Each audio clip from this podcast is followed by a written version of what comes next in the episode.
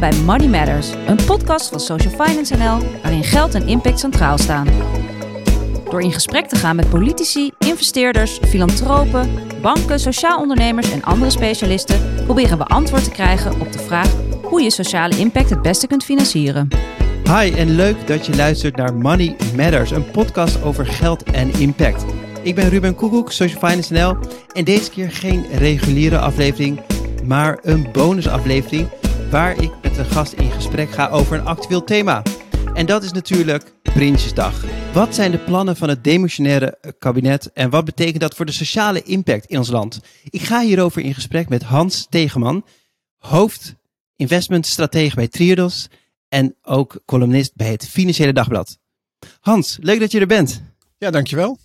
Geweldig dat je na een hele lange dag voor jou, uh, ik zag je bij RTL Z, uh, tijd voor ons vrij wil maken. En wij gaan in 25 minuten, gaan wij het hebben over die miljoenennota en wat dat betekent voor uh, Nederland.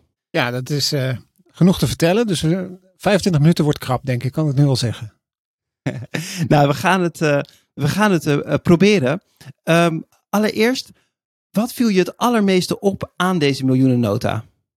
Nou, daar is natuurlijk al genoeg over gezegd. Hè. Het is een, een demissionair kabinet, dus een demissionaire miljoenennota. Maar wat mij viel, opviel bij het lezen van de miljoenennota is dat de, analyse een stuk verder is dan een jaar geleden. De analyse over wat er moet gebeuren in Nederland. En ik had het idee dat er telkens een paar paragrafen die ze wel een concept klaar hadden liggen op formatietafels, dat die niet mee waren gegaan natuurlijk naar de drukker.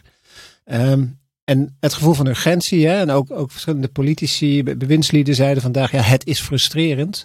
Dus wat mij het, meeste opviel en bij is gebleven van, ja, er, er ligt een hele analyse over wat er beter moet en ander, anders moet.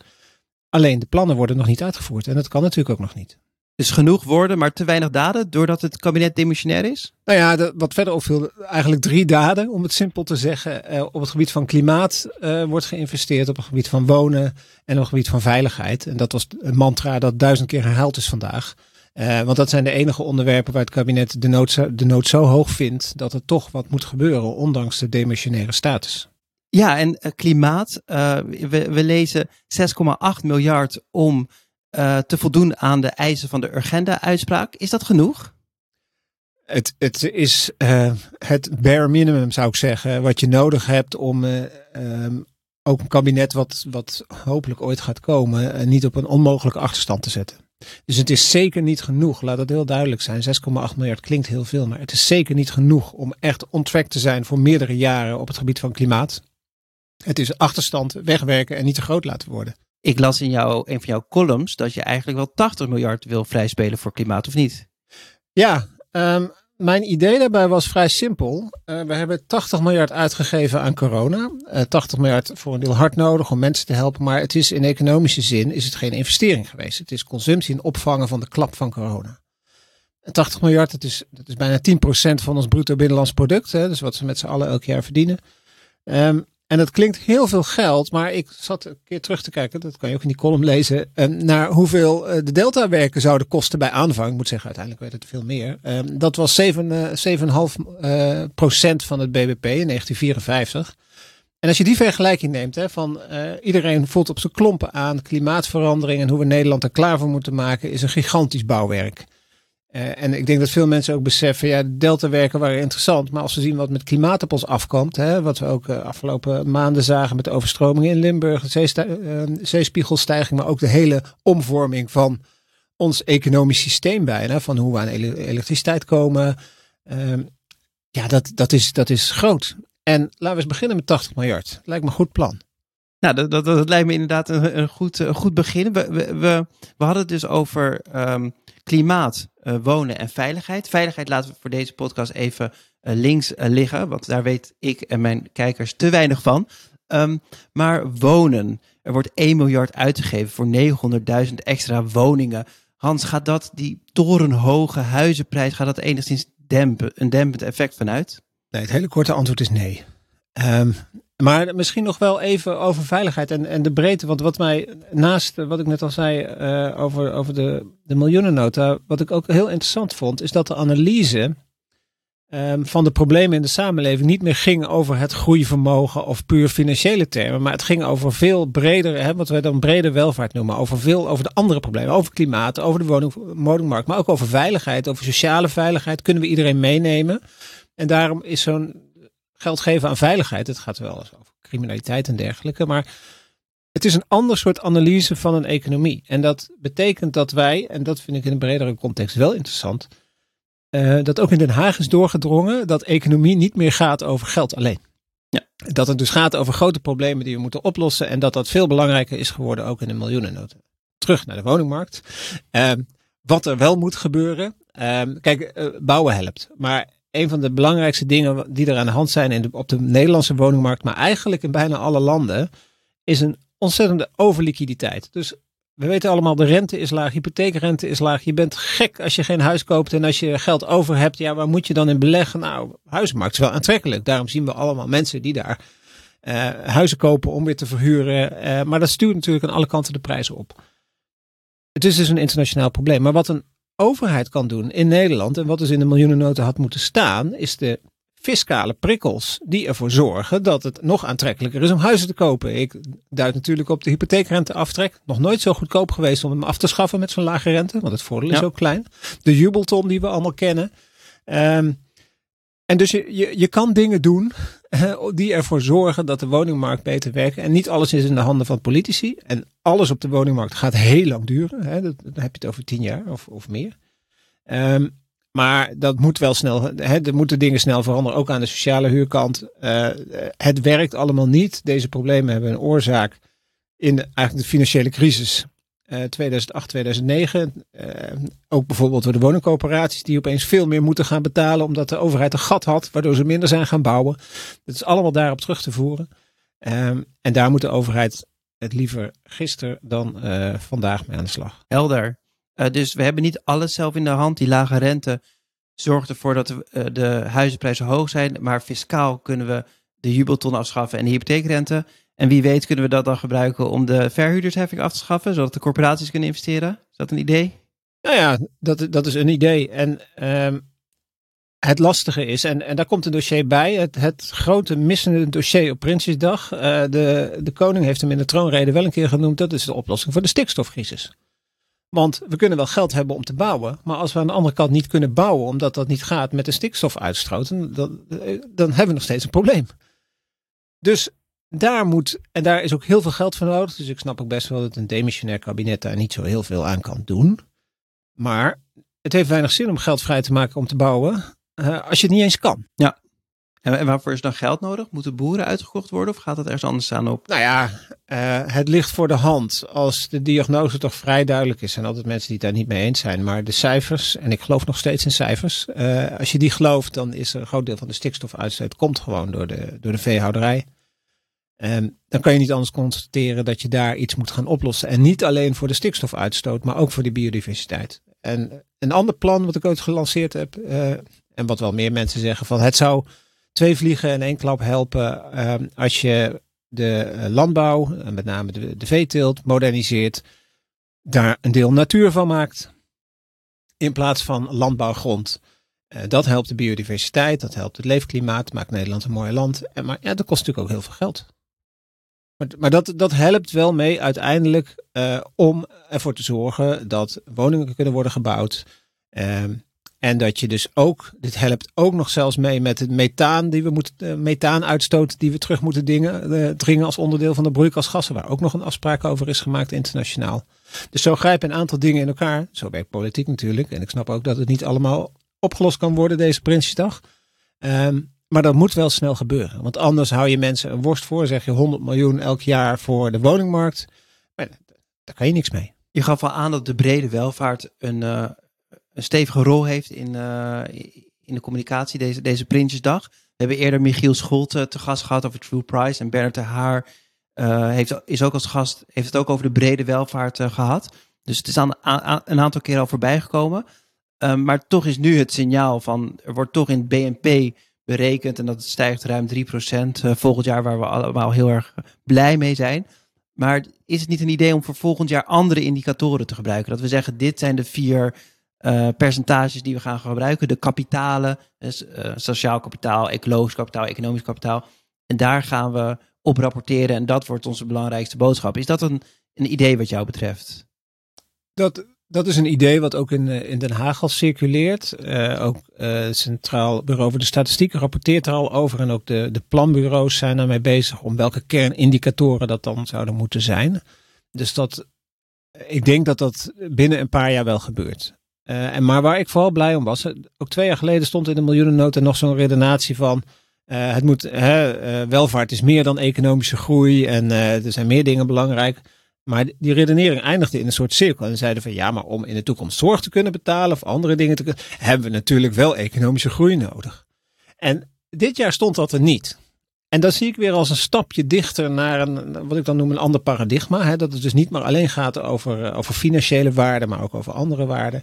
En dan zou inderdaad een vervolgstap zijn dat we daar ook op gaan rapporteren. Dat we die ook even belangrijk maken. Hè? Dus die, die andere kapitalen, dus uh, natuurlijk kapitaal, sociaal kapitaal. En dat we daar dan ook, want dat ontbreekt ook nog, niet alleen daarop rapporteren, maar dat, want Prinsjesdag gaat over de plannen dat we dan ook laten zien wat het effect van de plannen is op die kapitalen. Dus wat doet de overheid nou om uh, de doelen van Parijs dichterbij te brengen in deze miljoenennota? En dat staat er niet. Terwijl als investeerder word je tegenwoordig gedwongen bijna dat allemaal te laten zien. Vind ik hartstikke goed, hè? begrijp me niet verkeerd. Maar het zou ook mooi zijn als het allemaal terechtkomt in de miljoenennota. Want het gaat echt over plannen maken. En dan wil je niet alleen de financiële impact van de plannen laten zien, maar alles wat het doet met de samenleving helder. Eh, er moet een impactrapportage komen, ook van de miljoenennota. Zeker. Op basis zeker. van de brede welvaart. Ja. Hans, als ik zo jouw wensenlijst hoor, moet er eigenlijk heel veel uh, geïnvesteerd worden. De rente is ook uh, laag. Nu zijn er een aantal economen, uh, van mij de New Monetary Theory, en die geloven dat we eigenlijk dat een staat niet een huishoudboekje hoeft bij te houden, maar dat we eigenlijk kunnen uitgeven wat we maar willen als de inflatie maar laag blijft. Hoor jij tot die school? Wat vind jij daarvan? Kunnen we inderdaad uitgeven totdat de inflatie de pan uitrijst? Um, ik, ik hoor niet graag tot scholen, daar begint het mee. Um, maar ik, ik vind het wetenschappelijk bewijs voor die theorie nogal mager. En ook het historisch bewijs. Um, en daarbij komt uh, dat inflatie altijd een grens is. Uh, en dat je die niet van tevoren kan inschatten of je het nou met monetair beleid of met begrotingsbeleid doet. Um, kijk, historisch is het altijd zo geweest op een gegeven moment dat de schuld van een overheid of wie dan ook te groot is. Ook een overheid die zijn eigen munt kan uitgeven en zijn geld kan drukken. Um, daar is een grens. En soms is dat inflatie, maar soms is dat ook gewoon een default. Hè? Dat, je dat je niet meer kan lenen. En in het ergste geval is het het totale verlies aan geloofwaardigheid van het financiële systeem. En dus er zitten grenzen aan. Aan de andere kant denk ik wel dat je als overheid niet bang hoeft te zijn op dit moment. Hè. De, de, de schuld van Nederland is nog geen 60%. Dat is in Europees perspectief heel erg laag. Is ook prima betaalbaar. En er zijn grote uitgaven die maatschappelijk rendement hebben. En met een lage rente, met een historisch lage rente, op 10 jaar uh, rente krijgt de Nederlandse overheid nog steeds geld. Als dat zo is, dan, dan zijn er dus een heleboel opties die, die nuttig zijn voor toekomstige generaties, waar toekomstige generaties profijt van hebben, die je echt moet doen. En dan heb ik het niet alleen over klimaat, daar begin ik wel mee, maar dan heb ik het ook over onderwijs, over innovatie, een hele investeringsagenda die kan worden uitgerold. En dat zag ik ook in de, een beetje verstopt in de miljoenennota, dat we hebben het, het groeifonds, het, het Wopke Wiebesfonds, ken je wellicht nog. Uh, daar is eigenlijk uh, een aantal investeringen van uitgesteld, omdat ze dat niet goed rondkrijgen. Ja, dat vind ik echt een gemiste kans. Uh, want je, je kan dus echt veel geld uitgeven, maar dat moet je wel productief doen. Hè? Als nog antwoord op de modern monetary theory. Er zit echt wel een grens aan, uh, aan schuld. Dus nu is echt het moment om te investeren. En wat je dan eigenlijk zegt is dat Wopke Wiebes fonds. Um, dat hij ziet wel investeringsmogelijkheden, maar er is daar, daar is niet genoeg geld in gestopt. Of? Nee, ze, ze hebben zelfs een aantal van die. Uh, ze hebben het geld naar achter geschoven. Dus ze gaan minder investeren. Terwijl ik juist denk, je moet nu meer geld in de economie gaan stoppen en niet minder. En dat, dat heeft heel erg te maken met de tijd waar we in zitten, hè, met die polarisatie in de politiek. Dat het lastig is om, om geld te mobiliseren, om plannen gedaan te krijgen. Um, en dat is een gemiste kans. Want nu kan je juist, en dat is ook een beetje wat doorklonk vandaag uh, met Prinsjesdag, van nou, de plannen zijn klaar. We kunnen er helaas nog niet aan beginnen. Uh, het gaat goed met de economie. Uh, we hoeven ons geen zorgen meer, want dat was vorig jaar nog, geen zorgen meer te maken over een te hoge overheidsschuld. De arbeidsmarkt is krap. Nou, laten we dan beginnen met die langjarige agenda om de boel te verbouwen. Alleen daar heb je maar één ding voor nodig wat ontbreekt, en dat is een kabinet. En dat is er niet. Nee, dat, uh, en dat komt er uh, voorlopig, ben ik bang, ook nog niet meteen. en, en, en, je geeft dus aan, die, die, die schuld die is onder de 60 procent, dus daar hoeven we ons geen zorgen over te maken. Maar we zien wel andere landen in Europa, Griekenland natuurlijk helemaal, die had al een hoge schuld. En na corona loopt dat tegen de 200 procent, als ik me niet ja. vergis. Gaan, gaan we niet weer een nieuwe eurocrisis in als die rente stijgt? Hoe moeten we daar ons niet zorgen over maken? Nou, dat is een van de dingen waar ik me wel veel zorgen over maak. Kijk, het verschil met, uh, met de financiële crisis en zeker de eurocrisis was, de, de, financiële markten zijn verlamd, zijn verdoofd door een overschot aan monetaire injecties. Um, dus niemand heeft het daarover. Tegelijkertijd zijn alle Europese begrotingsregels buiten werking gesteld. Uh, dus niemand heeft het daarover. Maar het gaat niet, inmiddels niet meer alleen over Europa. Het gaat ook over de Verenigde Staten met een ongekend begrotingsexperiment, waar wij trouwens van profiteren in termen van economische groei. Um, waardoor die kaarten ook anders liggen. En dat betekent eigenlijk dat uh, centrale banken niet zo snel kunnen verkrappen. Uh, dat het risico op snel stijgende rente niet zo groot is. Maar daarmee is het risico niet weg. En uh, we hebben deze coronacrisis opgelost en we roepen wel dat het succes van begrotingsbeleid. Maar het is vooral, wat mij betreft, het succes van centrale banken. We hebben alleen één ding nog echt niet bedacht. Hoe komen we hier ooit weer eens een keer in een normale situatie?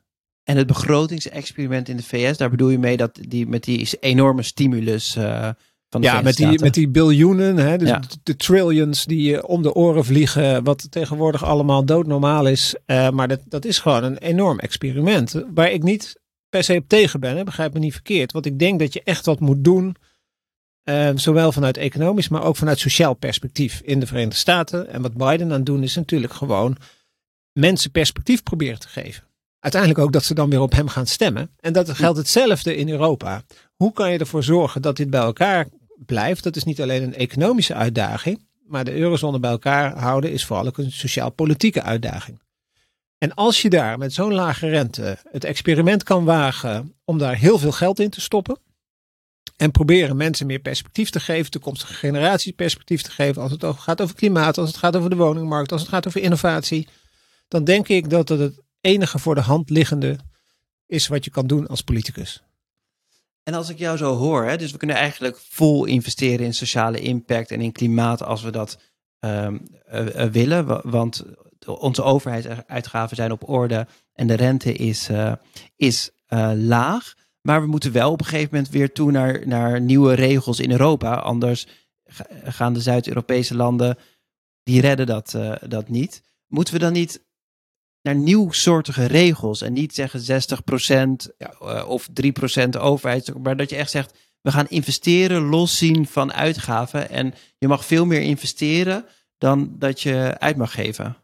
Dit is, dit is precies een van de dingen die in Europa speelt. Hè. De twee weken geleden was er een Europese top. Uh, toen heeft Nederland met een aantal andere vrekkige landen gezegd: uh, Nou, we moeten toch wel een beetje oppassen. Terwijl uh, het voorstel van een aantal andere landen is, of, of, niet alleen van landen, maar ook van wetenschappers, misschien moeten we meer onderscheid maken in uitgaven en investeringen. En met name investeringen voor bijvoorbeeld, daar kom ik weer, uh, klimaat.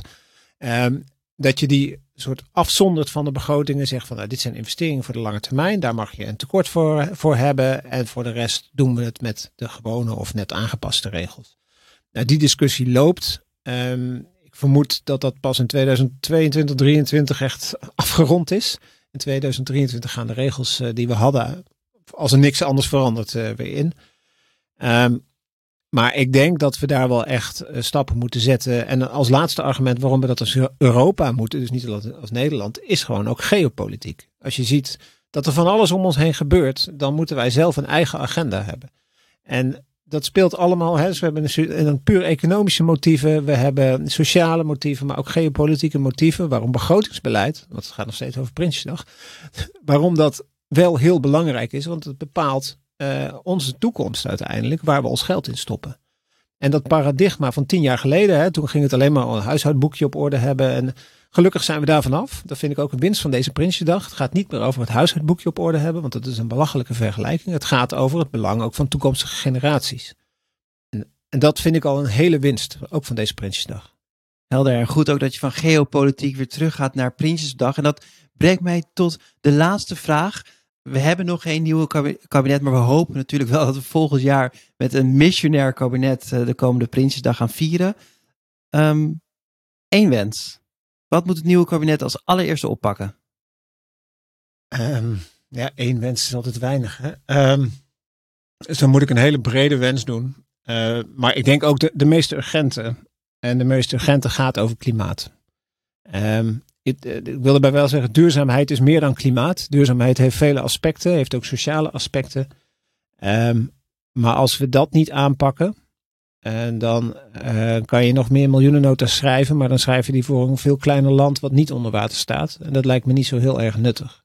Ik, ik sprak vorige week Mariana Mazzucato, die net een boek heeft geschreven over uh, Mission Economy, of ik, ik weet niet eens meer de precieze titel. Maar toen moest ik, precies, die mission economy, ja. En daar moest ik vandaag al aan denken, met name met dat woord missionair versus uh, demissionair. En wat we ten eerste nodig hebben is een missionair kabinet. Dat net zo'n moonshot doet in de termen van Mariano Mazzucato als zij beschrijft in haar boek. Dus echt stevig, ambitieus uh, en dan in eerste instantie op het gebied van klimaat. Dat lijkt me een, een hele hele mooie gedachte om de podcast mee uh, af te sluiten. Dankjewel uh, Hans voor de highlights van hoe de, de, de miljoenennota helpt bij het realiseren van sociale impact in, in Nederland. Ook dank voor het luisteren. Um, volgende week hebben we weer een reguliere aflevering. Tot dan.